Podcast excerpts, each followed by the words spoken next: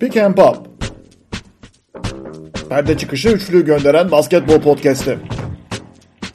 Uygar Karaca ve Çağrı Turan Avrupa'da basketbolun gündemini konuşuyor. 24 saniyede olmadan yerinizi alın. Keyifli dinlemeler.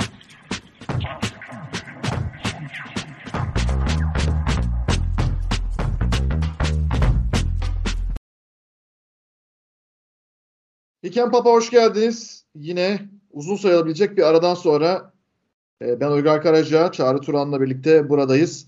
E, bir cumartesi günü ve e, dinleyicilerimizden gelen tabii ki yoğun mesajlara da artık kaygısız kalamazdık. Değil mi Çağrı? Yani çok özleyenler ve nerede kaldı Piken Pop diyenler var. Sağ olsun Çağrı da hemen imdada yetişti. Çağrı nasılsın? Bu arada kar fırtınası beklenen kar fırtınası sizin orada geldi galiba. Bizim burada henüz gelemedi ama deniz kenarı e, bir muhit olan Kadıköy'de henüz öyle bir şey yok. Sizde var ama galiba daha yüksek bir tarafta. Yani bir saat önce güneşli bir hava vardı. Şu anda bayağı sağlam bir fırtına var. Birkaç saat sonra ne olacağını göreceğiz. Evet, e, ben klasik hani Türkiye'nin e, yakın geçmişinden alışkanlık bir önlem alındıysa genellikle olmaz e, klişesi üzerinden hala ısrarcıyım. Yani bu karın o denli kuvvetli olmayacağını düşünüyordum sürecin başından bu yana ama bakalım. Umarım e, yanılmam. Yani öyle söyleyeyim. E, bu arada Final Four'un mekanı ve yeri de belli oldu. E, ve günü de belli oldu. Yani e, işte takvimi de belli oldu. E, ben Belgrad biletimi aldım. Hem de flexi olmayan bir bilet aldım. İnşallah başımıza iş gelmez. E, çok olası iş gelmesi ama tabii yine 19 Mayıs e, sürecine çekmiş olmaları ve o nedenle hafta sonunun biraz daha zaten yüksek olan bilet fiyatlarının biraz daha yükselmiş olması e, Eurolig'in yine bize sunduğu ilginç bir sürpriz olarak karşımızda duruyor. E, ama herhalde gideceğim ya. E, sen finalize ettin mi e, karar süreçlerini?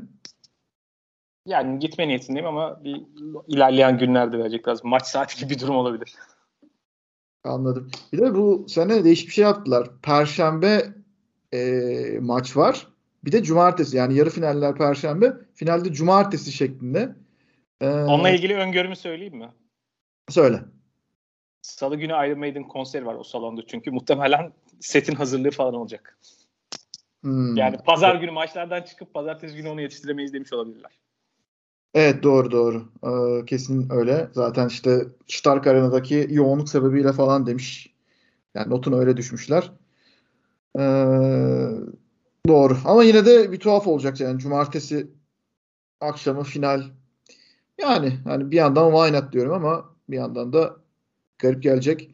Konuşacak çok konu var. Bir sürü konu bizim e, konuşamadığımız süreçte birikti. Eurolig'in gerçekten bu sene başında gelmeyen kalmadı. Covid-19 e, dalgaları tabii bütün ligleri buldu. Sadece Euroligi değil. E, dünyada bütün spor organizasyonlarını vurdu. Onun dışında bir de savaş durumu söz konusu. Tabii ki Rusya'nın Ukrayna'ya savaş açması, oraya işte birlikleri göndermesi, bombalar, füzeler yağdırması falan. Tabii ki maalesef e, sadece spordaki değil, tüm dünyadaki e, hemen hemen her düzeni alt üst etti. E, tabii en başta Ukraynalıların hayatlarını. E, çok zor koşullarda orada bir şekilde e, yaşamaya, bir şekilde direnmeye çalışıyorlar.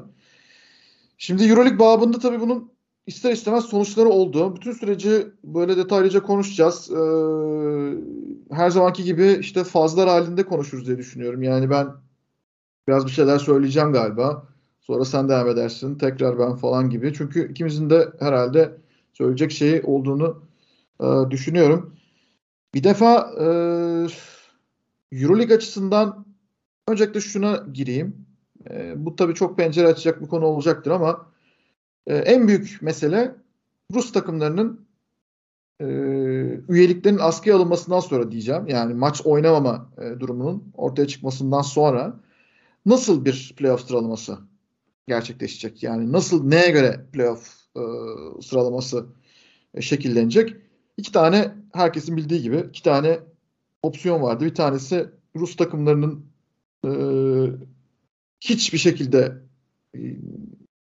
maç oynadığı kabul edilmemesi. Yani Rus takımlarında oynanan maçların hiçbirinin kabul edilmemesi ve e, ona göre onun üzerinden e, çıkartılan bir sıralama. Bir de ikinci şık e, Rus takımlarıyla o güne kadar oynanan maçların e, geçerli sayılması ve galibiyet yüzdelerine göre e, bir sıralama yapılması. Şimdi iki alternatifin de kendine göre mantıklı, kendine göre mantıksız ya da hakkaniyeti zedeleyen e, tarafları var. Birincisi tabii ki e, ilk opsiyon yani Rus takımlarıyla oynanan maçların sayılmaması durumu. E, yani oynanıp kazanılmış maç neden sayılmasın? E, sonuçta oynanmış bir maç var orada. Ne bileyim e, Rus takımlarına daha çok kaybeden tarafın daha avantajlı çıkması gibi bir durum ortaya çıkıyor. İkinci şıkta ise problem e, şu. E, Eurolig'in kendi bylaw'larına göre bir takımla eğer iki kez oynamadıysanız statüyü dermiş oluyorsunuz. Yani e, bu ileride mahkeme süreci açabilir, bazı hukuki haklar doğurabilir e, Rus takımlarına veya başka takımlara. Çünkü eğer bir takımla içeride oynamışsanız dışarıda da oynamış olmanız lazım. Diğer türlü Eurolig'in e, işte bu paydaşları e, denen yani sahipleri kulüpler e, bu durumdan zarar görürse bununla ilgili bir takım e, ileride tazminat e, alma durumları da ortaya çıkabilirdi. Ve sonuç olarak yapılan oylamada 7'ye 6 gibi herkesin bildiği üzere bir e, durumla karşılaşıldı.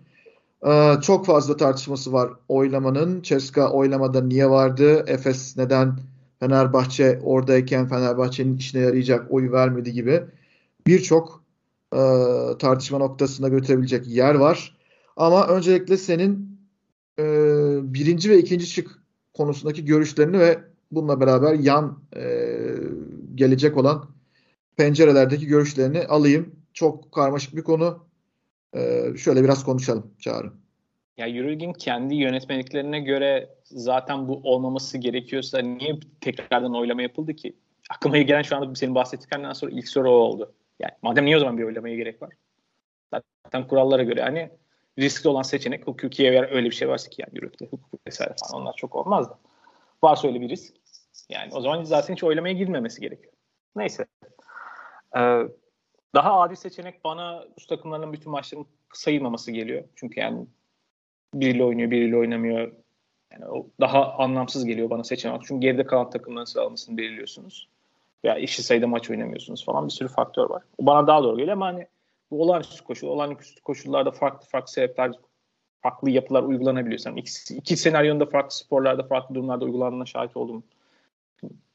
Spesifik örnek aklıma gelmiyor ama yani oldu ama daha çok sanırım daha çok bu takımların var o yani oynadığı maçların sayılmaması yönünde kuralların daha çok olduğunu hatırlıyorum ama Orası bir kısım. Niye oylama oluyor kısmı da bir soru daha çıkıyor. Şimdi oylama yaptığınız senaryoda doğal olarak herkes kendince ve bu takımlar yani organizasyonda kendi günlük önceliklerine göre karar verdiği için işte yarışmanın adaleti veya doğruluğu vesaire veya bununla alakalı herhangi bir şeyi gözetmiyorlar doğal olarak. Kendileri de haklılar. O zaman da tekrardan şey sorusuna geri dönüyoruz aslında bütün Eurolig'in yapısıyla alakalı, yönetim şekliyle alakalı olarak. Niye kulüplerin kısa vadeli düşünerek onların kısa vadeli tercihlerine göre her şeyin dizayn edilmesi ve bunun mantıklı olmamasıyla alakalı o çelişki yumağına tekrardan geliyoruz. Yani o kısır döngü devam ediyor bir şekilde. Bu kadar görece hani sezon öncesinde aslında biraz daha mikro bir karar üzerinde de böyle bir şey var. Hangi takımların olacağı, nasıl bir format olacağı, uzun vadede nasıl bir yapının olacağı ile alakalı belki daha uzun vadeli senaryolar için de bu geçerli. Yani o yüzden bu kısır döngü bir şekilde aslında yarışmacı olan kulüplerin denetleyen ve onları bir şekilde yönlendiren, onları biraz denetleyen bir yapıda olması gerekirken onların onların elinde onların tas, onların elinde tasmayı takan organizasyon haline geliyorsunuz Euroleague olarak. O zaman da onların istediği şekilde her yere gidebilen, kendi tutarlı olan, olmayan, prensipleri olmayan bir organizasyon oluyor. Onda başka bir sürü zarar var. Yani başarılı olmayan Euroleague organizasyonun merkezinde olan temel sorunlardan bir tanesi bu yönetim yapısı yani karar verme mekanizması zaten. O yüzden hani o tutarsızlık kendi içerisinde tekrar kendini gösterdi aslında. Evet. E, oylama neden var sorusu. Mesela bu senin söylediğinde bağlantılı olarak makul bir soru. Yani eğer oylama sonucunda böyle bir sonuç ortaya çıksaydı herhalde oradan hak kaybedeceklere e, diyeceklerdi ki bakın biz oylama yaptık. Yani biz bunu kafamıza göre karar vermedik. Yani orada biraz e, lider pozisyondaki Bertomeo'yu e, ve işte o kararın arkasındaki diğer yönetim kurulu ve işte idari görevi olan insanların kişisel e, belki haklarını korumaya yönelik olarak bir hareket e, olarak düşündüm ben. Yani bir şekilde o kararın çok doğru olmadığını ve Euroleague e, bylaw'larını kendine e, çizdiği e, çerçeveyi delecek bir aslında oylama olduğunu farkındalardı büyük bir ihtimalle ama meşruiyet arayışı içerisinde e, o oynamayı yapma e, zorunluluğuna girdiler. Zaten ilkten şöyle oldu bildiğim kadarıyla. Yani olayların gelişim sürecine bakacak olursak önce Euroleague dedi ki senin dediğin gibi yani hiç oylama falan yapmayalım. Mecburen yapacak bir şey yok. Rus takımlarının e, maçlarını yok sayacağız.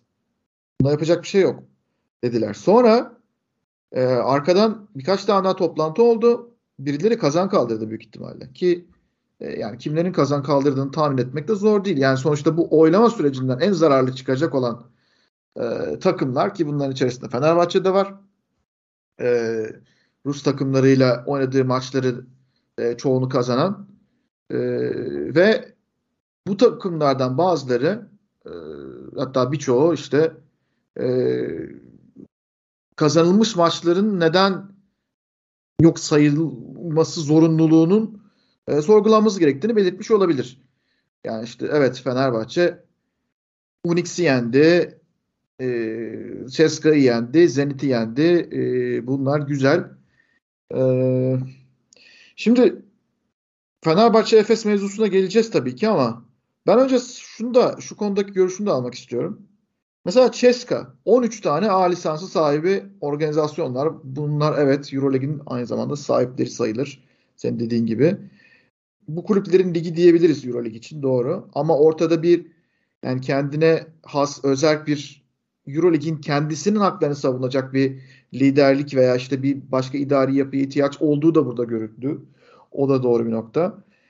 Ya Ceska bu oylamada neden vardı? Ben çok yadırgadım. Mesela Ceska'nın maç yapma durumunu burada o zaman şöyle kabul etmiş oluyorsunuz. Biz aslında Ceska'nın e, Rus devlet propagandası e, yapan bir kulüp olduğu durumundan ziyade şu anda Rusya'daki savaş sebebiyle oyuncu güvenliği ve işte diğer kulüplerin oraya gitmek istememesi üzerine e, onların maçlarını askıya aldık. Onları o yüzden oynatmıyoruz gibi bir hareket var. Bu da VTB Lig'le ki şu anda e, Britanya'dan da işte bu ekonomik yaptırım yiyen e, organizasyonlardan biri. Yani işte Rusya'da devlet e, mekanizmasına tamamen bağlı ve finansmanını yapan, bu işin finans tarafını yöneten organizasyonlardan biri olarak e, dünyanın birçok yerinde işte başta Britanya olmak üzere ABD aynı şekilde ve ekonomik yaptırım uyguluyor. Euroleague VTB Bankası ile olan ilişkilerini dondurdu. Güzel. Rus takımlarıyla olan ilişkilerini dondurdu. Ama Ceska'yı daimi üye olarak hala kabul ettiğini görüyoruz. Şimdi bu Ceska'dan vazgeçemediğini gösteriyor herhalde. Ben şunu düşünüyorum. Ceska bu oylamada olmamalıydı. Ama A lisansı olmadığı halde Rus takımları dışında bu sene oynayan ve bu sene e, henüz kaderi belli olmayan takımların hepsinin oy kullanabileceği bir keşke madem öyle bir oylama var yapı olsaydı diye düşünüyorum. Mesela sen ne düşünüyorsun bu konuda? Ceska'nın varlığı vesaire. Ya oylamanın absürtlüğünden sonra o bana artık yani onun doğruluğu yanlışlığı o kadar e, absürt gelmiyor. Ama şey geliyor mesela orada bahsettin yani işte diğer belki spor organizasyonu veya kurumlara kıyasla Eurolig'in maddi olarak da Rusya'dan gelen paraya daha fazla bağımlı olması nedeniyle o ilişkiyi sadece belki donduruyor gözükmekte.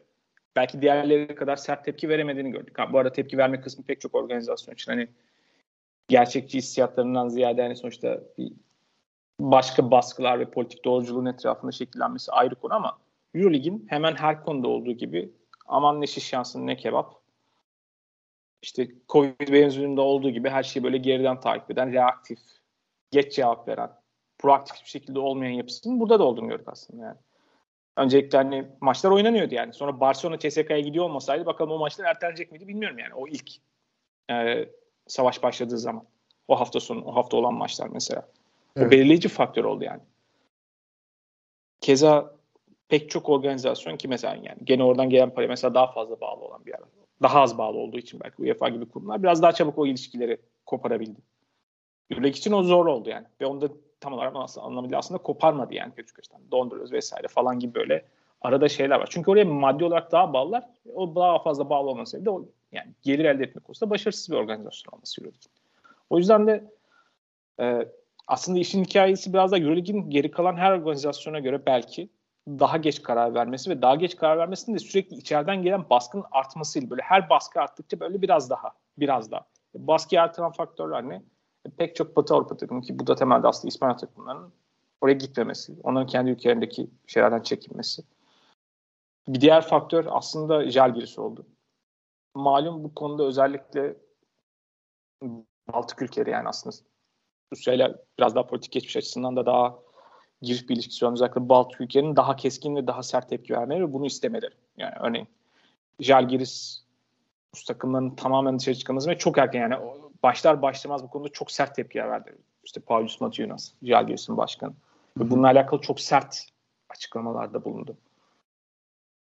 Yani onlar mesela hep böyle biraz daha baskı arttıkça biraz daha böyle aşama aşama hep böyle reaktif olarak tepki veren bir organizasyon. O yüzden o da onun parçası. Ama mesela bir ilginç nokta şu. Ee, takımlar bir şekilde hani Euroleague'in kendi karar verme mekanizması ile alakalı onun adaletsizliği, onun tutarsızlığı alakalı kendilerine göre kısa vadede istedikleri sonuçlar almayınca tepkiler sunuyorlar. Şu anda Fenerbahçe bu formattaki yani puanlamanın karar vermesiyle alakalı hoşnut olmadığı için bir tepki veriyor. Kendince haklı olabilir. Jalgiris hali hazırda bu tepkilerin çok geri yavaş kalmasından dolayı, hızlı verilmemesinden dolayı, Rus takımların ihraç edilme kararının çok daha erken alınmamasından dolayı tepki veriyor.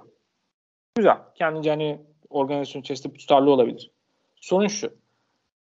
Bazı takımlar özellikle hani bak şeyden bahsetmiyorum yani. Efes gibi Efes statikoyu kendisi isteyen bir organizasyon için tabii ki orada kendine ayrıcalık bir yerde tutmak ister. Barcelona Real Madrid'in orada tutmak istemesini anlayabilirim. Çok absürt gelmiyor veya CSK. Ama Eurolig'in kendi bu yetersiz yapısının geri üretmede olsun, organizasyon yönetme başarısı olsun, pek çok konuda olsun. Bu yetersiz yapısından ilk başta en çabuk etkilenecek takımların zamanında oylamalar yapılırken daha öncesinde Euroleague'in çok yanında olup Euroleague'e tepki vermeyen organizasyonun olması. Fenerbahçe bunların içerisinde. Jalgiris pek çok açıdan bunların içerisinde. Şimdi gelip bunlardan rahatsızlık duyması, adalet olabilir, başka konular. Bundan rahatsızlık duyması bence çok riyakar bir tutum. İlk harcanacak kulüplersiniz. Ama herkes yani en hani daha böyle sürekli olarak yüksek para harcayan ve takımlar işte Barcelona, Real Madrid, CSKA vesaire gibisin. Onun altında şu an maddi olarak daha sınırda olan Jalgiris, Fenerbahçe de artık o noktaya geliyor. Başka takımlar alıyor. Baskonya vesaire gibi. Bu diğer yani aslında Euroleague'in kendi bu kırılgan yapısından daha fazla etkilenecek takımların da kendi menfaatlerini kısa vadede kurup o ayrıcalıklı kulübün içerisinde kalmak için yeterince tep zamanda tepki vermeyen organizasyonların şimdi girip bundan böyle mağduriyet oynaması bana çok absürt geliyor. Çok riyakarca geliyor. Çünkü zamanda bu canavarı kendiniz yarattınız ve bunun parçası oldunuz. Zamanda uzun vadeli olarak bu organizasyonun daha iyi gitmesini engelleyen bütün yapıları siz bir şekilde teşvik ettiniz. Kendiniz içinde olduğu sürece. Şimdi o prensipler sizi de ezerken, size de zarar verirken şimdi bunun karşısındayız. Burada mağdur olduk falan oynaması bana çok anlamsız geliyor. Niye? Çünkü Jalgiris sürekli olarak kendini işte bu organizasyon ne kadar faydalı olduğu, ekonomik olarak ne kadar alma konusunda en önde gelen yani çığırtkanlığını yapıyordu Paulus Matinos. Bu özellikle FIBA ayrı mesela bu sezon başındaki ve geçen sezondan itibaren gelen süreçte. Ama Litvanya'daki genel tepki ki dün maçta gördü yani Litvanya'daki tepki başka hiçbir yerdeki tepkiye benzemiyor benim gördüğüm kadarıyla şu anda. Ama Litvanya'daki genel tepki onun üzerine çıkıyor. O zaman da siz organizasyondan bu tip durumlarda tutarlı ve mantıklı kararlar vermesini beklemeyen bir organizasyonun olmasının parçası olduğunuz için, bunu bu canavarı kendiniz yarattığınız için şimdi bundan doğruları yapmasını beklemeniz bana çok şey geliyor, riyakarca geliyor. Bu aslında gene Euroleague'in bu kulüplerin kısa vadede kendini düşünürken oluşturduğu sıkıntılı yapının, o yönetim yapısının gelip ondan sonra kendilerini vurmasına dönüyor iş. Bunun farklı farklı pek çok örneğini aslında zaman içerisinde görüyoruz yani. Bu da bir örneklerinden bir tanesi oldu yani. Bu Rusya takımlarıyla olan ilişkinin ve buradaki yaptırımların nasıl uygulanacağını Euroleague'in kendi çerçevesinde kaldığı nokta. O yüzden yani ben pek çok takımın ağlamasını biraz şey buluyorum. Çok saçma buluyorum yani gene. Evet yani bunun e, bugünün sorunu olmadığını yani belli bir sürecin e, sonunda gelen doğal bir e, nasıl söyleyelim karar alma mekanizmalarındaki eksiklikten dolayı ka- karşısına çıkan doğal bir sonucu olduğunu söylüyorsun. Yani mantıklı. Çünkü evet bir çelişki var. Ee, ya bugünün realitesi dünün realitesinden çok farklı. Ama organizasyon olarak doğru adımları atmayınca doğru zamanlarda senin de söylediğin gibi orada bir karar alma mekanizması sağlamlaştırmayınca prensip e, konusunda daha katılımcı ya da daha eşitlikçi e, bir yapı çizmeyince bunlar da olabiliyor. Şimdi Fenerbahçe'nin de durumu aslında şuradan da e, anlaşılabilir bir tabii ki isyan. Bir taraftan da öyle bir tarafı var. Mesela Fenerbahçe tamam Rus takımlarına karşı e, kazandı. Kazandığı maçlar var. E, onları kaybetmiş olacak. Yani onları kullanamıyor olacak. E, ama aynı zamanda e, bu oynayamayacağı Rus takımları karşı playoff savaşı da veriyor Fenerbahçe Beko. Yani yanlış mı düşünüyorum bilmiyorum. Fenerbahçe'nin daha orada oynayacağı Ceska maçı var. Ceska şu an 7. Zenit maçı var. Zenit yani şu an 7. derken eski sıralamalara göre 7. Zenit 6. ve e, öteki taraftan e, Unix Kazan var. Unix Kazan da 9. sırada yer alıyordu. Yani şimdi Fenerbahçe'nin kaybı iki taraflı oldu böylelikle. Hem onlarla oynayamayacak çünkü onlarla oynadığı zaman onları yenip e, sıralamalarda onları altına alma şansı belki vardı. O da kalmamış oldu zaten Rusların devreden çıkmasıyla. Bir de kazandığı maçların da gitmesi yani hani 3 puan değil 6 puan kaybetmiş oluyorsunuz gibi. Hani futbol mantığıyla düşünecek olursak. E, o yüzden Fenerbahçe'nin zararı katmerlendi. E, ama yani böyle bir durumda kalmalarının sorumluları da sadece bu seneki kararlar işte eski kararlar veya idari yapı e, bunlar bir tarafa Fenerbahçe'nin bu sene Euroleague'de yenildiği takımlara bakacak olursak şimdi bir kere e, bize niye oy vermediniz neden bizi desteklemediniz bir Türk takımı olarak e, diyeceği Anadolu Efes'e 5 maçın 4'ünü kaybetti bu sene Fenerbahçe. E, yenildiği takımlara bakalım. Bayern, Jalgiris, e, Alba Berlin, Panathinaikos, e, Kızıl Yıldız, Monaco. Hadi Monaco'ya biraz formda dönemde yenildi. Hadi Kızıl Yıldız'a da biraz formda dönemde yenildi. Asvel e, yani bunlara yenilirken tamam sakatlıklar tabii ki çok kötü, etkili. E, şanssızlık oldu vesaire kötü. Yani Fenerbahçe Beko önce bu kaybettiği maçları düşünmesi lazım.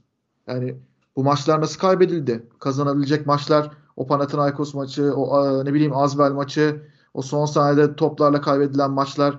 Şimdi Fenerbahçe belki Unix'i yendi güzel ama Unix'i yendiğinde Unix henüz sezonun ilk maçına gelmişti ve paramparça bir durumdaydı.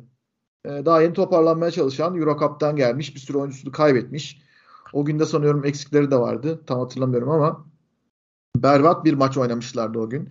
Mesela o gün Unix'le oynamak bir şanstır. Şimdi teker teker bunlara girecek olursak eğer veya işte Fenerbahçe Real Madrid'le oynayacaktı. Real Madrid'in en iyi zamanında Real Madrid'de Covid e, patladı. Ve Real Madrid gelemedi buraya. Real Madrid en kötü zamanda geldi İstanbul'a.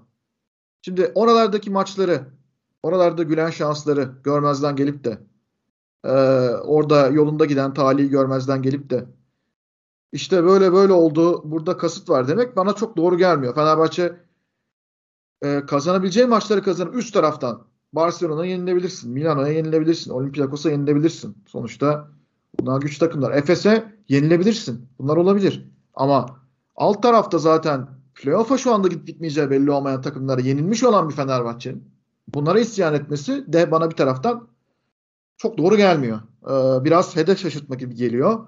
İşte Euroleague bize karşı aynı Türkiye'deki işte bu toksik kültür var ya ee, işte bir bak bir uyanıyorsunuz hakem operasyonu olmuş. Ne olduğunu bile anlayamıyorsunuz falan. Ee, birileri bir şey söylüyor. Sürekli herkes bir şeyden şikayetçi ama hiçbir işte dönmüyor. Yani hiç kimse bir iş yapamıyor. Herkes böyle sürekli askıda ve paranoyak bir vaziyette bana birisi bir kötülük yapacak diye oturmuş. Sanki yani bütün dünyanın derdi insanların tuttuğu takıma kötülük yapmakmış gibi. Böyle bir yani e, ne diyelim ya paraliz diyeceğim. Kimse hareket edemiyor. Kimse hiçbir şey yapamıyor yani bu ülkede. Bu aleti ruhiyeden dolayı. Bu çok kötü. Yani bunu aynı zamanda bir de oraya Euroleague'e yaymanın çok iyi bir fikir olmadığını düşünüyorum. Ee, ama ben şunu da söyleyeyim. Fenerbahçe taraftarlarının bir kısmı e, ne diyelim bu topa girerken bir kısmı da bunların çok ikna edici olmadığını da farkında. Yani Efes'in bunu yapmak zorunda olduğunu çok e, fanatik olmayanlardan bahsediyorum. Daha makul düşünenlerden. Fenerbahçe aynı konumda olsaydı mesela Fenerbahçe aynı konumda olsaydı bir Fenerbahçeli diyecek miydi? Neden öyle yapıyoruz ki biz Efes'e yardım elini uzatalım mı diyecekti yani. Hayır. Yani bunun için de kimse kimseyi suçlayamaz bence. Ee, sonuçta kulüp e, menfaati. Fenerbahçe aynı durumda olsaydı e, Fenerbahçe de benzer bir tercihi yapardı diye düşünüyorum. Kimse de çıkıp Fenerbahçe'ye niye bu tercihi yaptın diyemezdi. Ee, şeklinde bir düşünce silsilesinde kaptırdım kendimi. Ee, durumlar böyle. Bir de tabii bu işin Eurocup tarafı var. Ee, Eurocup tarafını şu an kimse konuşmuyor ama mesela orada çok komik bir durum var. Lokomotiv Kuban var orada bir tek. Ve Lokomotiv Kuban şu anda maç yapamıyor. Ama Eurocup'ta biliyorsun iki grup var. Yani üst grup ve alt grup şeklinde. Böylece üst gruplardan bir tanesindeki bir takım devre dışı kaldı. Oradan bir tane takım ilk 8'e girmiş olacak ekstradan gibi gözüküyor. Alt grupta öyle bir durum yok. Ee, ve bu durumla ilgili olarak mesela hani herhangi bir oylama yapıldı mı yapılmadı mı ben bilmiyorum. Sen biliyor musun? Ya aynı oylamada karar verildi bildiğim kadarıyla. Şimdi Ama aynı o, o çok önemli değildi çünkü bir tane takım vardı deyip onu muhtemelen çok umursamadılar. aynı oynamada karar veriyorsun. Aşağıda e, işte 20 tane takım var. Yani Euroleague'de zaten söz vermediğin diğer takımları da bir kenara bıraktım. Eurocup'ta söz vermediğin iki grupta 20 tane takım var yani. Böyle bir durumdan bahsediyoruz. Ee, o da çok elitist, fazla elitist yani bir karar alma mekanizması. Hata yaparsınız. Çok bu kadar elitist olduğunuz zaman ve dediğin gibi aşağıda sadece lokomotif kuman olduğu için onu görmezden geldiler ve bu organizasyon olarak dışarıdan komik duruyor biraz diye düşünüyorum. Peki son bir pencere daha açalım. Yani burada daha söyleyecek çok şey vardır. Ee, polemik tarafında konuşacak laf çok da. Diyelim ki savaş bitti. Putin geri çekilmek durumunda kaldı. Ee, barış anlaşması imzalandı falan vesaire. Veya bir orta yol bulundu. Seneye Euroleague sence Rus kulüplerini çağırır mı? Öyle bir durum oluşursa. Çünkü bu seneki durumları çok askıda. Şimdi bu sene yoklar diye seneye olmamaları e, biraz garip olacak. Çünkü onlar için beyaz bir sezona dönüştü bu. Ama Euroleague çağırır da mesela Unix kazan gider mi? Veya Zenit gider mi? Ee, öyle bir durum da var. Yoksa FIBA'yı mı tercih eder? FIBA çağırırsa falan gibi şeyler de dolaşıyor kafamda. Gelecek açısından sen ne düşünüyorsun? Çok batı merkezcil bir Euroleague oluşabilir gibi gözüküyor. Yani Euroleague organizasyonun kendisiyle alakalı zaten gelecekle alakalı her şey soru işareti. Bence çok, çok olası bir senaryo. Ee, bunun potansiyel olarak yani Rusya ekonomisi ve işte Putin rejimiyle alakalı etkisine ve sonuçlarına bağlı olarak e, bu propaganda makinesinin eski gücünden çok daha uzak olması çok olası bir senaryo. Şu yüzden. CSK'nın işte 90'larda daha eski profiline bakarsan CSK hani kendi Tabii o zaman da böyle yabancı kuralları da bu zaman gibi değil ama Euroleague'in orta orta sürelerinde dolaşan bir takımdı. Diğerleri zaten resmin içinde pek yoktu çoğu zaman. Bu kadar. SK'daki bu para harcama paterninin başlaması 2001. 2001-2002 sezonuydu. Hatta ilk önemli transferde o dönem Gordon Gırçek ile Misat Türkcan. Bir sezon sonra işte Ivkovic geliyor falan. Ondan sonrasında işte sürekli Final Four oynayan bir takım haline geliyorlar. Putin'in gelişi de o zaman ya aslında Putin 99'da geçti. 2000'de daha seçimle gelen bir şey biri olarak. Yani aslında Putin rejimiyle beraber bir propaganda makinesi başladı. CSK'nın daha öncesinde böyle para harcama böyle bir yapısı yoktu. bu propaganda makinesi durursa ki ekonomi ve şartlara göre bundan sonraki durumda yani Putin'in olmadığı başka bir senaryoda böyle birilerinin böyle çılgınca anlamsız paralar aktaracağından çok şüpheliyim. O zaman belki sadece CSK'nın katıldığı, CSK'nın da böyle bir takım olmadığı, orta halli bir takım olduğu bir senaryo görebiliriz. Bence bu çok olası. Örneğin Zenit sonuçta başka bir propaganda makinesi Gazprom'un takımı yani. Hı. Onu görmüş bilmiyorum. İşte Kazan evet yani yıllardır bir şekilde orta halli bir takım olarak kendi şartlarında gelen biraz daha farklı onların kendi içinde daha devamlı olan ve çok da bütçeleri böyle çılgın yukarı aşağı inmeyen bir takım. Yani onlar biraz daha farklı özel bir durumlar var. Onları ayrıtıyorum ama genel olarak böyle bir anda çok yüksek para harcama şekli yani dönem resme giren Kimki gibi. Bu model Rus takımlarını çok görmememiz artık olası bir senaryo. Öte yandan hani Euroleague yani biri Gazprom vesaire falan biri parayı verdiği sürece kimseye hayır demeyecek zaten. Yani o takımlarda gelir. O takımların kazanımıyla alakalı da herhangi bir sorun olmaz. Onunla alakalı bir sıkıntı görmüyorum. Ama bu propaganda makinesiyle alakalı ve CSK'nın domine eden takım olarak olan kimliğiyle alakalı onun sonuna gelmiş olabiliriz. Bu bence kayda değer bir ihtimal. Öte yandan şöyle bir konu var. Şimdi hep böyle Euroleague takımlar katılacak, kim katılacak? İşte sınırlı e, alan var, sınırlı kota var. Hangileri gelecek, girmeyecek diye bir soru işareti hep döner. Evet. Mesela sezonun başına itibaren bir şekilde duyduğum hani oradan çıkan haberlerde öyle. Partizan'ın kendi organizasyon içerisinde Euroleague bileti alma konusunda çok emin olduğuyla alakalıydı. Ve hani potansiyel yola bakıyorsun işte ya Adriyatik Ligi'ni kazanır. Wildcard alabilirim diye bakıyorum. Orada da alan çok geniş değil. Çünkü Zenit'i birisi dışarı mı itecek yani? Gazprom para veriyor şu anda yani. Zenit'i dışarı itmeleri çok kolay değil. İki tane Euro Cup'tan gelen takımın işte X8'de bir tanesinin olması çok olası görünüyordu. O zaman Euro Cup'ın işte kağıt üstünde lisansı 1'e iniyor. İşte takım sayısını 20'ye çıkaracaklar mı, iki gruba ayıracaklar mı diye başka bir senaryo dönüyordu. Hani oradan Partizan şu anda yani Kızıldız'dan daha iyi bir takım gibi görünmüyor. Yani Atletik Ligi'ni nasıl kazanacak sorusu var. O yol gözükmüyordu. Şu an gördüğüm kadarıyla mesela o yolda açıldı. Yani o yüzden Euroleague'de gelecek sezon biraz daha farklı takımlar olması da olası. Muhtemelen belki bir tane Rusya takımı görürüz. Diğerlerini göreceğimiz konusunda çok şüpheliyim. Çünkü bu sadece şey etkisi yok. Ee, artık Rusya'daki takımların iddialı olurken kullandığı yapıda hani kendi yerel kaynaklardan yetiştirdiği oyuncu diye bir kavram yok. Çünkü artık o Sovyet sistemi yok. Özellikle de basketbol tarafını etkili. Evet. O yüzden de öyle bir oyuncu kaynağı da olmadığı için oraya gelecek oyuncular, Rusya'nın algısı bunların hepsi çok olumsuz etken. Yani bir o parayı ayıramayacak büyük ihtimalle. Onun sonrasında da pek çok takımdan gelecek oyuncular oraya gelmek konusunda yani bu bir günde inşa etmiyorsunuz siz oradaki kredibiliteniz. Hani yıllarca biri geliyor daha sonra daha iyi oyuncu getiriyorsunuz. Onların sürekli oluyor bir e, ününüz oluyor. Onun etrafında size bazı oyuncular gelme konusunda kararlı oluyor, istekli oluyor. Ki ona rağmen hala da Rusya'ya pek çok oyuncu gitmeye çalışmaz, istemez yani. Sonuçta farklı sebeplerden dolayı.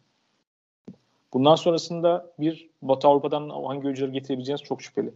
Doğu Avrupa'dan özellikle eski Sovyet ülkelerinden getirebileceğiniz oyuncular ki orası için önemli bir kaynaktı.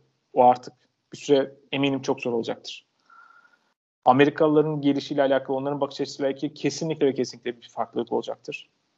Şu an aslında orada kalan tek oyuncular aslında takımlarının biraz daha çoğunlukla Amerikalılar olsa bile pek çok Avrupa'nın diğer diğer Avrupalı oyuncular çünkü ayrıldı. Pek çok takımdan. Ee, artık yani eski dünyayı görmememiz çok olası Rusya özelinde. Özellikle CSK tarafında öyle bir görüntü olacak. Bence resim bayağı değişecek orada. Çok acayip bonuslar, çok acayip e, istisnai kontratların falan önerildiği haberlerini de gördüm ama bunları ne kadar doğrulatabiliriz, doğrulatamayız bunları da bilmiyorum. Tabii şu an işte Ceska'da e, en son Ifa Lundberg de ayrıldı. Hackett, işte Şengelia e, başta olmak üzere e, Johannes Voigtman aynı şekilde. Bunlar çok tabii afişe olan gündeme gelen isimler oldular. Yani çok istisnai kontratlarla bazı Amerikalıları ikna edebilirler mi? Edebilirler. Ama bunu Ceska yapar mı? Ee, Ceska biraz daha fazla galiba diğerlerine göre Putin yönetimiyle bağdaştırılan bir e, organizasyon. Yani Unix Kazan Tataristan Özel Cumhuriyeti'nin içerisinde kendi e, bütçesini biraz kendi lokal e, bölgesinden çıkarmaya çalışan bir organizasyon veya lokomotif için de aynı şey geçerli. Bunlar biraz daha yani oradaki büyük e, işte eyaletlerin veya bölgelerin e, bütçeleriyle iş yapan tabii ki e, ülkedeki büyük şirketlerle iş yapmadığın sürece, büyük sponsorlar almadığın sürece o harcamaları yapamıyorsunuz falan ama e, Ceska dışında diğer kulüplerin de hani en azından marka değeri olarak ya biz o kadar da değildik e, gibi bir e, belki anlatı üzerinden tekrar ısınabileceğini düşünüyorum ama o arada tabii medya ilişkileri koptu. Yani e, zaten bugüne kadar çok zor yürütüyorduk o medya ilişkilerini. Rus takımları hep yani İspanyollar başka yönden kapalı. Rus takımları da başka bir taraftan çok kapalıydı. Ee, şimdi onlar nasıl bakacaklar mesela Batı medyası tekrar onlarla ilgilendiği zaman e, nasıl reaksiyon verecekler? Siz o dönem bizi görmezden geldiniz. Biz halbuki ne bileyim e, biraz yargısız infaz oldu falan gibi bir şeyler deyip de hiç mesela e, o kapıyı da açmayabilirler. Yani gerçekten her şeyin alt üst olduğu e, saçma sapan bir döneme girdik. E, yani ne diyeyim bilmiyorum. Tabii bunlar bizim konuştuklarımızın, düşündüklerimizin çok daha üzerinde komplike meseleler. Ee, ama yani her geçen günde biraz daha komplikasyon seviyesi artıyor. Ee, önümüzdeki günler gösterecek diyeyim. Ve bu konuları burada bitireyim kendi adıma. Ee, senin söyleyeceğin bir şey yoksa. Yok şu anda daha fazla için. Evet yani yaklaşık 35-36 dakikadır e, bu konuyu konuşuyoruz. Yani bıraksak bir saatte konuşulur bu konu ama e, dediğim gibi gelişmeleri beklemek lazım.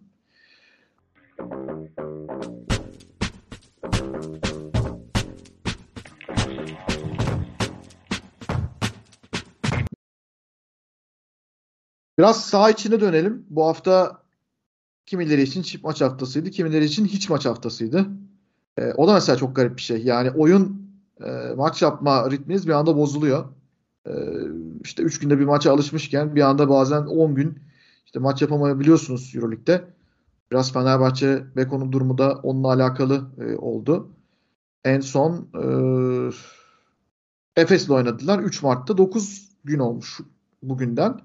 Eğer Bayern maçı iptal olursa ki Bayern'deki Covid vakaları sebebiyle öyle bir durum da var. Normalde 15'inde bir erteleme maçı gözüküyor Bayern'le ama e, bir sonraki maçları da 23 Mart'ta olacak. Yani 11 gün daha var. E, dolayısıyla ciddi bir yani zaman geçiyor aradan. O da bayağı bir ritim bozuyor. Efes için işte e, ilginç bir hafta oldu. Yani işte biraz eleştirildi. Ülke içinde birazcık Fenerbahçe'nin de hedef göstermesiyle ee, biraz zan altında kalan. Öte yandan verdiği oyla 7-6 kazanılan oylamayla playoff'taki durumunu bayağı bir güçlendiren, ilk dörtte artık hedeflemeye başlayan bir Efes. Ve e, Efes bu hafta iki tane yenilgi aldı. Biri Baskonya, diğeri de e, dünkü maçta Monaco. E, Efes'le ilgili söyleyeceğim bir şey var mı? Bu yenilgiler çok fark etmez noktasında olan insan da çok var aslında. Yani e, bir şekilde Efes zaten ilk 8'e girecek. O yüzden bu yenilgilerin de şu anda acayip de bir önemi yok gibi düşünebilirsin. Bilmiyorum e, izleme şansın oldu mu ama önce böyle maçtan Efes ile ilgili bir gözlem alalım varsa. Sonra da biraz Monaco üzerine konuşalım. Çünkü şu anda Euroleague'de en form takımlardan biri.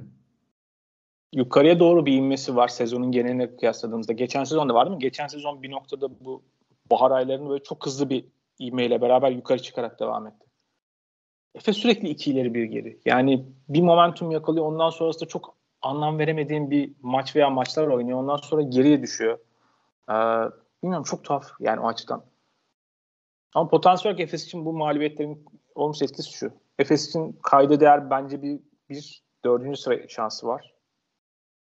Daha ötesinde üçüncü sıraya çıkabilirse Efes için çok daha iyi olur. Çünkü üçüncü sıraya çıktığın zaman tam playoff'ta daha iyi bir eşleşmeye sahip olacaksın. Onun da ötesinde potansiyel Final Four'da orada ikinci sırada yani bir Barcelona şeyinden kurtulmak da bence az buz değildir yani. Öyle yani şu an aslında biraz uzun vadeli düşündüğünüz zaman bunların aslında faydası var Efes'e. Ama daha önemlisi playoff'ta saha avantajına sahip olmak kıymetli bir şey. Yani özellikle de Olympiakos'la eşleşirseniz ki Olympiakos'un e, potansiyel olarak Efes için hani diğer olası eşleşmelerden görünen Milano'dan bence çok daha Efes'in kötü olabilir. Biraz takım yapısı ve ters gelme ihtimaliyle beraber bir de saha avantajını kaybettiğinizde öyle bir durum var. Ama onun ötesinde Efes için en önemli şey bir şekilde takımın formunu ve diğer oyuncuları hazır tutarak playoff'a girmesi. O yüzden galibiyetler, mağlubiyetler o kadar da kötü olmayabilir. Ama Efes'in böyle yukarıya doğru adımını atarken ki yani bu arada playoff'lara da 3 hafta kaldı yani. Playoff'lar işte 4 hafta kaldı daha doğrusu. Yani 3 hafta sonra normal sezon bitiyor. Playoff'lara bu kadar yakınken hala böyle kendini bulmakta bir ileri doğru adım atmakta zorlanması, sürekli bir adım geri attığı her iki adımdan sonra bir adım geriye gitmesi çok iyi bir durum değil. İdeal olmaktan oldukça uzak bu maçlar üzerinde dikkat çeken yani Efes maçları kazanabilir. Yani bence maçlar o kadar baskın bir şekilde kötü değildi. Yani Monaco maçı da bence ilk yarı üzerinde o kadar e, kötü bir duran bir durumda değildi. Baskonya maçını bence biraz özensizlikten, dikkatsizlikten kaybettiler. Ama Efes ve pek çok takım için yani bu ligin en tepesindeki belki diğerlerine ayrılan Barcelona için de geçerli. Pek çok takım için hata marjı aslında bu sezon üzerinde çok yüksek değil. Yani e, Efes sahadaki eforunu işte bu efor dedim sadece hani yani koşmaktan müberk değil.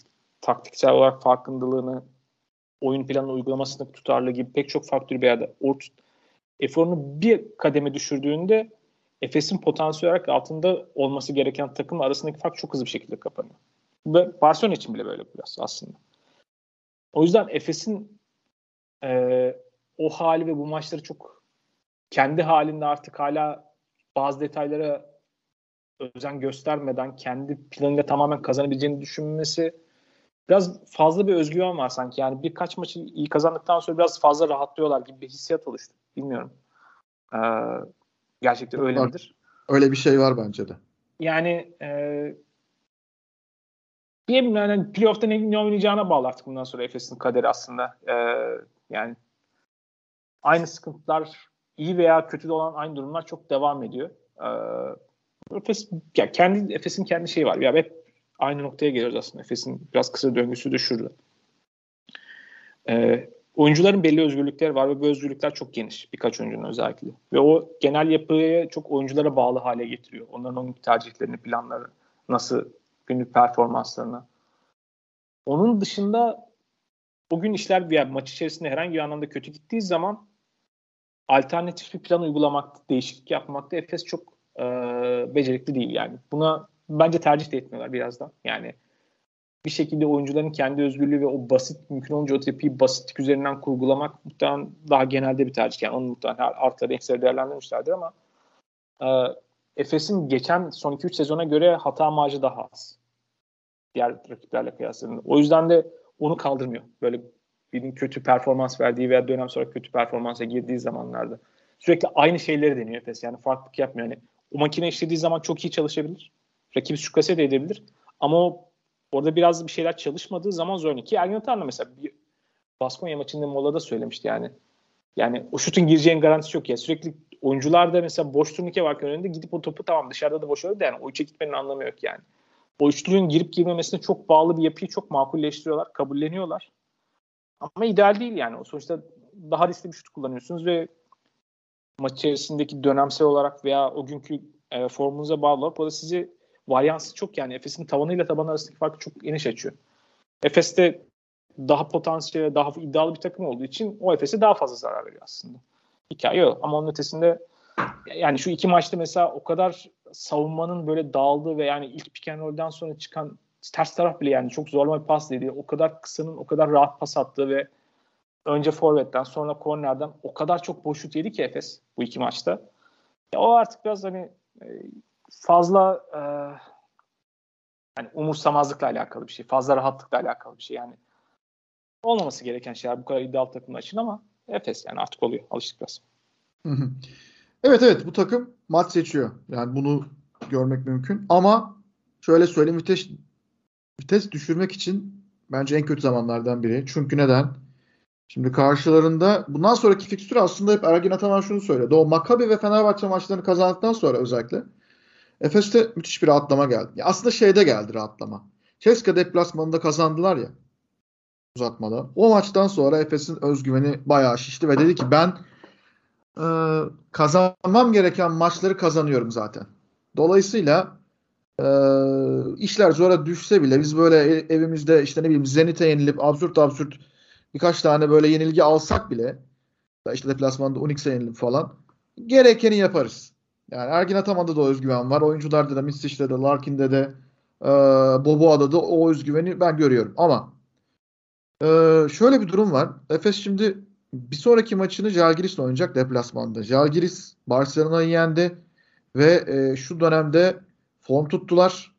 E, her ne kadar biraz geç olsa da e, ben Jalgiris'in bir şeyleri daha iyi oturttuğunu görüyorum. Üst üste galibiyetler alıyorlar. E, Panathinaikos, Real Madrid ve Barcelona maçlarını kazanmaları boşuna değil. E, arada yenildikleri Alba Berlin de ligin çok formda ekiplerinden biri. Şimdi Jalgiris'e deplasmanda oynuyorsun. Real Madrid'le içeride oynuyorsun ki Real Madrid kendine geldi bu hafta. Ee, en azından Milano maçında öyle gözüktü. Milano ile oynuyorsun, Bayern'le oynuyorsun, playoff rakibin. Bunlar İstanbul'da oynayacak ama e, hatta Alba Berlin'de de İstanbul'da oynayacak. Yani dört tane maçı var e, sezonu bitirirken. E, son beş maçın dördü İstanbul'da. En son da Kızıldız'la oynuyorsun. Ki Kızıldız'ın da çıkış inmesinde olduğunu görmek zor değil. Bir anda bence çok zorlaşmaya başlayan bir fikstür görünümü var burada. Efes için e, bırakın dördüncülüğü daha da gerilere gitme ihtimali var. E, o yüzden dediğin gibi yani hata marjı kaldıracak bir noktada değil. Onu söyleyeyim. Saha içine tek tek pozisyonlara bakacak olursa yani şimdi mesela podcast'ta çok sıkıcı olmasın diye öyle tek tek pozisyon pozisyon değerlendirmek istemiyorum ama en büyük dikkatimi çeken şey benim senin de söylediğin gibi hafif e, işaret ettiğin gibi ikili oyun savunurken Efes çok özensiz, çok kolay geçilen ve e, çok kolay basket yiyen bir takım. Yani Monaco'da Parisli Shane Larkin'i e, çok kötü gösterdi savunmada. Ki Shane Larkin aslında son dönemde çok kötü savunma yapmıyor. Yani istediği zaman çok iyi savunma yapabilen bir oyuncu. Ama bence o Yunanistan maçlarına gidişi, işte burada Fenerbahçe maçı, işte kupa maçı, kupayı kazanmaları falan. Yani şeyin Narkin'i bayağı bir rahatlattı. Bütün bunlarda ve yordu. Büyük ihtimalle. Şeyin Narkin şunu düşünüyor. Daha önemli maçlar var. Onlara biraz enerji saklamak zorundayım. Adam da kendince haklı. Yani çok kısa bir sürede çok bir sürü maç oynadı. Ee, Yunanistan'a gitti. Özel uçakla yetiştirildi. Buraya geldi tekrar oynadı. Ve bu maçlarda da e, tabii yani herkes bir şeyler bekliyor ondan. Sorumluluğu fazla. Baskonya maçında da aynı şey oldu. E, Wade Baldwin'e çok rahat geçildi bir, bir sürü pozisyonda ve o geçilmeleri sonrasında ya ikili oyun bıraktılar yani ikili oyunun e, işte guard ve uzunu bitirdiler ya da dışarıdan çıkan bir üçüncü e, isim e, ki bu Baskonya maçında e, Reyes de olmuştu. Son çeyrekte maçı alan üçlükleri gönderen ve Alec Peters de aynı şekilde. E, bunlar hep rahat geçilen ikili oyunlardan sonra geldi. Mitz için savunmasını zaten çok uzun süredir beğenmiyorum. Bunu da hep söylemişimdir. E, zaten savunmada e, çok hata yapıyor. Yaptığı hataların büyük bir çoğunluğunda kusurunu başkasında bulur. Yani orada bakarsın Plyce'ı azarlar falan. E, takımlar bir veya iki tane tabii böyle isim kaldırabiliyor ama ikiden fazlasını da kaldırmaz açıkçası. O yüzden ve dediğin gibi yani oldu da Efes Olympiakos'la falan eşleşti. Hem gerilim yüksek bir eşleşme hem savunmayı sert yapan, tempoyu düşürebilen, yani rakibe göre adapte olabilen ve ona göre taktik uydurabilen bir takım Olympiakos. Çok tehlikeli bir şey playoff'ta. O yüzden e, Efes'in de bence rahatlayacak şu anda bir alanı yok diye düşünüyorum. Larkin de biraz dediğim gibi yorgun gördüm. Umarım kendini toparlar. Elijah Brandt'te bir çıkış görüyorum ki Ergin Ataman'ın onu tekrar kazanmaya e, çalıştığını ya da en azından bir şekilde e, yardımcı olmaya çalıştığını da görüyorum. Bu önemli. Playoff'ta lazım olacaktır. Gibi gibi e, tespitlerim var benim Efes'le ilgili. E, ya orada bence en geri kalan hepsinden belki daha kıymetli nokta aslında Larkin'in son bir, bir buçuk ay içerisinde biraz daha kendini bulması. Ve, çünkü Larkin gibi oyuncular, Larkin özellikle o bir eşik değeri var yani özgüven için. O ona geliyor yani. Ve Larkin gerçekten kendi e, tavanına geldiği zaman Avrupa'nın bir numaralı oyuncusu. O çok her şeye, bütün resmi her anlamda değiştirebilecek bir oyuncu. Daha gidecek yolu var ama Larkin'in böyle sezon boyunca böyle çok arada derede biraz vasat görüntüsünün ötesinde başka bir yere çıkması resmi çok değiştir. O geri kalan her, her şeyden daha kıymetli bir artı bence genelde. Evet. E, yani bir de biraz Petruşev'den bir şeyler beklemek gerekir diyeceğim sezonun bu kısmında. Yani değiştirmediler Petruşev'i. Petruşev'e devam etme kararı aldılar. Belki iyi teklif bulamadılar. Bu arada rotasyona girdi son birkaç maçta. Girdi. Girdi ama e, yani bir kere taraftarın çok yani hedef aldığı bir oyuncu oldu. E, bir de ben mesela maçlardan önce veya sonra bazen oyuncuların hal tavırlarına falan bakmaya çalışıyorum. O havaya koklamaya çalışıyorum. Petrushev çok kopuk.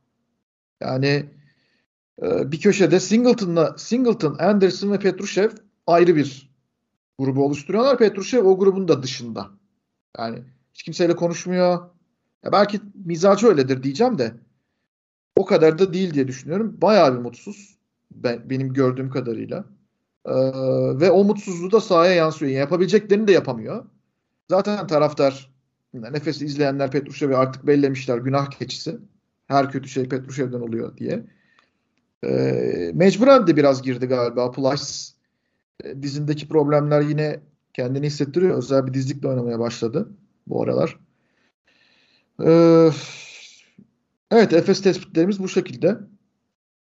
Şimdi son bölümde de biraz Monaco konuşalım. Monaco e, gümbür gümbür geliyor diyebilir miyiz? O kadar abartmayalım ama altları galibiyetler boşuna değil. Ciddi bir toparlanış var.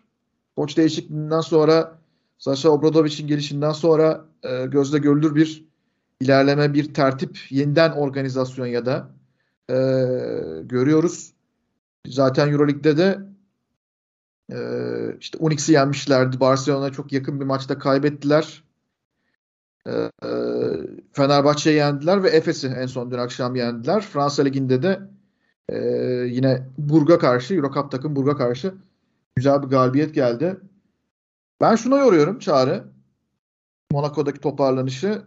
Mitrovic gittikten sonra e, hücum düzeninde Obradovic son derece işleri basitleştirdi. Yani çok komplike işler yapmak yerine işte çok basit ikili oyunlar bazen çok e, sıkıştıkları zaman gelen komplike oyunlar. Mesela bir Barcelona hücum e, komplikasyon seviyesine çıkmayı denemiyorlar. Bu iyi bir şey. Çünkü buna gerek yok. Bu takım özelinde buna gerek yok. Bunu yapacak oyuncular da yok aslında. Van Bacon isolation oynayan bir oyuncu. Mike James e, isolation artı işte biraz ikili oyun oynayan bir oyuncu. Uzunları çok e, etkili. Yani yüzünü çembere dönüp oynayabilecek uzunlar var. Donta Hall, e, Donatas Moteyanas biraz sırtı dönük oynuyor ama o da çembere yaklaştığı zaman durdurması zor bir oyuncu. Yani 1 ve 5 numaralarını zaten iyi. Dolayısıyla daha fazlasına gerek olmayan daha e, basit organizasyonla bence Monaco müthiş bir hücum verimliliğine ulaşmış durumda şu an. Savunmada hala tekliyorlar ama hücum verimliliği çok iyi bir düzeyde. Sen neler düşünüyorsun Monaco ile ilgili? Yani Mitrovic döneminde de şöyle bir şey var aslında yani e, oyun çok basitleşti mi emin değilim ama Mitrovic de hücumu da zaten yani primitiften bir seviye ötesi yani. Çok sınırda basitlikte oynatan bir koç yani. Ki Asfel'de de öyle bir basketbol oynatıyordu. Biraz takımın oyun yapısıyla alakalı. Kendi içinde bence tutarlı da bilirim ama bence hücumda bazı şeyleri biraz daha e, bir yapısal halde bir şeyleri oturttular. Yani şu anda mesela spacing çok daha iyi. Onu net görebiliyorsun. Yani biraz daha oyuncular daha az düşünüyor, daha çabuk karar veriyor. Daha net yapacakları belli, daha roller belli. Hücumda biraz daha yani örneğin bir oyuncunun elinde top patladı ve ondan sonra birebir oynasından ziyade biraz daha alan açıyorlar ve daha çabuk karar veriyorlar. Ee, o dikkatimi çekiyor. Bence o açıdan bir artı var. Ben Mike James'in biraz daha rahatlamasının da etkisi var. Onu da pay olduğunu düşünüyorum. Ama asıl mevzu e, bu takımın ya kendini gerçekten ayıracak, güçlü yapacak. Özellikle belki yani 2-3-4 tarafında diyeyim. Ki uzunlarda da aslında var ama çok atletizm yüksek bir takım olması. Ve savunmanın seviyesini arttırdıkları zaman ki savunmada biraz daha agresif oynamaktan yeni biraz daha akıllı ve o atletizmi kullanarak daha akıllı davranıyor. Mesela biraz daha sabırlı ve daha iyi savunma yaptıklarını düşünüyorum şu dönemde Mitrovic dönemine kıyasla. O zaman belki daha boğucu görünebiliyorlardı ama şu anda daha akıllı oynuyorlar. Ve hücum patlamasının temel faktörünün bir tanesi de aslında savunma kaynaklı basketler ciddi sayıda arttı. Yani o hücumu ciddi bir şekilde destekliyor. Bir takımın atletizmini düşünün de hızlı oynamaya çalışması, fast break kovalaması çok mantıklı bir senaryo. Ya onların hepsi bir araya geldiği zaman şimdi Monaco e, yetenek açısından potansiyel olan bir takım. Bence pek çok takımda o kadar potansiyel yok. Yani belki Kızılyıldız veya Asfel arasındaki o grup içerisinde düşündüğün zaman hani belki potansiyeli en yüksek takım. Çünkü yetenek çok oyuncu var ama bunların hani bir arada belli bir yapı üzerinde belli bir düzen içerisinde oynaması gerekiyor. Rollerin netleşmesi gerekiyor. İyi coaching'e ihtiyaçları var. Bunların hepsi gereken yapılar. Orada birçok konuda biraz daha bence bir hakikaten o değişik yapıldığında şüpheliydim ama e, onun üzerine çıkan bir şeyi oluşturmuş durumda. Ve biraz daha tutarlı oynuyorlar açıkçası yani. Sonuçta iniş çıkışları daha az maç üzerinde. Ama yani gene bu takımın önemli kısmı o savunma ve atletizmle desteklendiği zaman geri kalan şeyler de biraz daha açılıyor. Bir de yani derin bir kadro var aslında. O çok ilk bakışta göze belki çarpmıyor ama yani rotasyona sokabilecekleri çok fazla oyuncu var. Ve o onları gerçekten sahada diri tutuyor ve pek çok maçta da yani maçın sonunda ayakta kalıyorlar veya maçın sonunda kazanıyorlar. Orada fark yaratan bir faktör oldu onlar açısından. Eğer bu form durumunu girerlerse playoff'ta ilginç şeyler olabilir. Çünkü potansiyel olan bir takım. Ee, yani son galiba 10 maçtan 7'sini kazandılar. Hani kaybettikleri maçlara bakıyorum. Barcelona yakın geçen maç deplasmanda. Real Madrid maçı vardı uzatmada kaybettiler falan. Yani kaybettikleri maçlar da öyle maçlar bu arada. Ve kazanırken de yani çok farklı maçlar kazandılar bu dönemde. Yani açıkçası son aslında iki ayın en formlu takımından bahsediyoruz. Evet. Dediğin gibi derinlikli kadro. Mesela işte 5 numarada kim var? E, Donatas Moteyanas e, öne çıkıyor. Ama e, tek başına da değil açıkçası. Arkada Donta Hall ki genelde işte 5 e, numarada böyle Euroleague'de her takıma nasip olmayacak fizik ve e, ne diyelim çember altını domine edebilecek e, postürde oyunculara sahipler. E, sadece Mote Jonas ve Donta Hall değil. Normalde işte Euroleague'de çok da fazla izleyemediğiniz İbrahim'e Faul Faye veya işte Jerry Butsiele gibi dediğin gibi yani 5 numarada kullanabilecekleri 4 tane e, çok kalıplı uzun var. Will Thomas zaten deneyimli bir oyuncu. Hareketli bir 4 numara. Şutu olan bir 4 numara. Alfa Diallo müthiş bir çıkış yakaladı. Ee, genç bir oyuncu olmasına karşın şu anda bence yani Euroleague'de herkesin üzerin, isminin üzerinde uyuduğu hani öyle derler ya. E, bunun Türkçesini tam çıkartamıyorum ama yani tabii öyle inanılmaz genç bir oyuncu da değil de e, 24 yaşında 97 doğumlu. Ama yani Diallo aslında bu son iki ayki çıkışın bir tane sembolü bir oyuncu olacaksa o yani. Gerçekten daha önceki görüntüsünden çok daha farklı. Yani çok ön planda. Evet yani topu yere vurduğu zaman da etkili. Yere vurmayıp kenarda ceza şutörü veya boş bırakıldığında ceza kesebilecek şutör olarak da etkili. Ee, o yüzden Alfa Diallo e, bu sezonun iyi hikayelerinden biri son dönemde. Ve Parisli iniş çıkışları olan bir oyuncu olduğundan hep bahsediyoruz. Bazı günlerde çok kötü, bazı günlerde çok e, beklenenin üzerinde katkı verebiliyor. Efes'i dağıtan oyunculardan biriydi yani 14 sayısı var. E, bir sürü faal çekti. Shane Larkin'i bayağı bir zorladı. Daha önce de söylediğim gibi. E, Mike James'e ya Westerman olmadığı günlerde Mike James'e bayağı yardımcı oluyor. Bu Monaco takımı can yakmaya devam edebilir gibi gözüküyor e, ileriki zamanlarda. E, tabii işte Obradovic takımlarında hep bir sınır oluyor. E, evet başarılı bir koç. Getiriyor bir şeyler yapıyor. 4-5 maç kazanıyor. Belki bir ay kazanıyor falan ama bakın o sınıra yine ulaşacaklar mı? Monaco'da yine de ben hafif bir temkinliyim. E, şöyle bir kalan maçlarına bakayım dedim. Baskonya, Milano, Alba Berlin ve evet Alba Berlin maçları var Monaco'nun. Ee, bir de Olympiakos'ta oynayacaklar içeride, iç sahada. Ee, bir sonraki maçlarını biraz şimdi dinlenme süreleri var. Fena değil bu fikstür. Monaco için içeride daha çok maç oynayacakları, yenebilecekleri takımlara karşı oynayacakları bir fikstür var. Bakalım. Bu arada o salonla ilgili e, Mario Hezonya'nın bir tane şikayeti vardı. Denk geldim video top tuhaf sekiyor burada falan diye demişti ya oradaki maçta falan. O Fransa'daki salonların böyle tuhaf adetleri vardır yani kendine has. Oranın parkesiyle alakalı. Orası tuhaf bir atmosfer yani. Ee, hiçbir oyuncunun o salonu sevdiğini duymadım. Hmm, ben seviyorum ama. Nedense yani Euro Cup günlerinden bu yana o salonu seviyorum. Zaten futbol stadyumlarını yani e, Monaco'nun futbol stadyumunun hemen altında yer alan neredeyse böyle garaj seviyesinde bir salon olduğunu duydum. Yani gitmedim tabii de.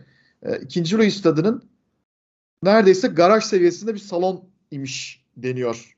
E, benim duyduğum kadarıyla. Bilmiyorum sen duydun mu ama. Zaten aşağı doğru inen bir salon. Gerçi evet. Blablagrand da öyle bir salon da. E, bir de kağıt üstünde güya hani Monaco o salonun kapasitesi yeterli olmadığı için işte maçları Antib'de oynayacak diye bir rivayet var tabii de. Yani olmadı. Bu arada takımın performansının çıkışının takımın Ukrayna'dan Rusya'ya geçişiyle başlaması da ilginç bir anekdot. Takımın sahibi değiştikten sonra yani yaklaşık bir buçuk ay önce falan sanırım takımın e, satışı gerçekleşti. Yani.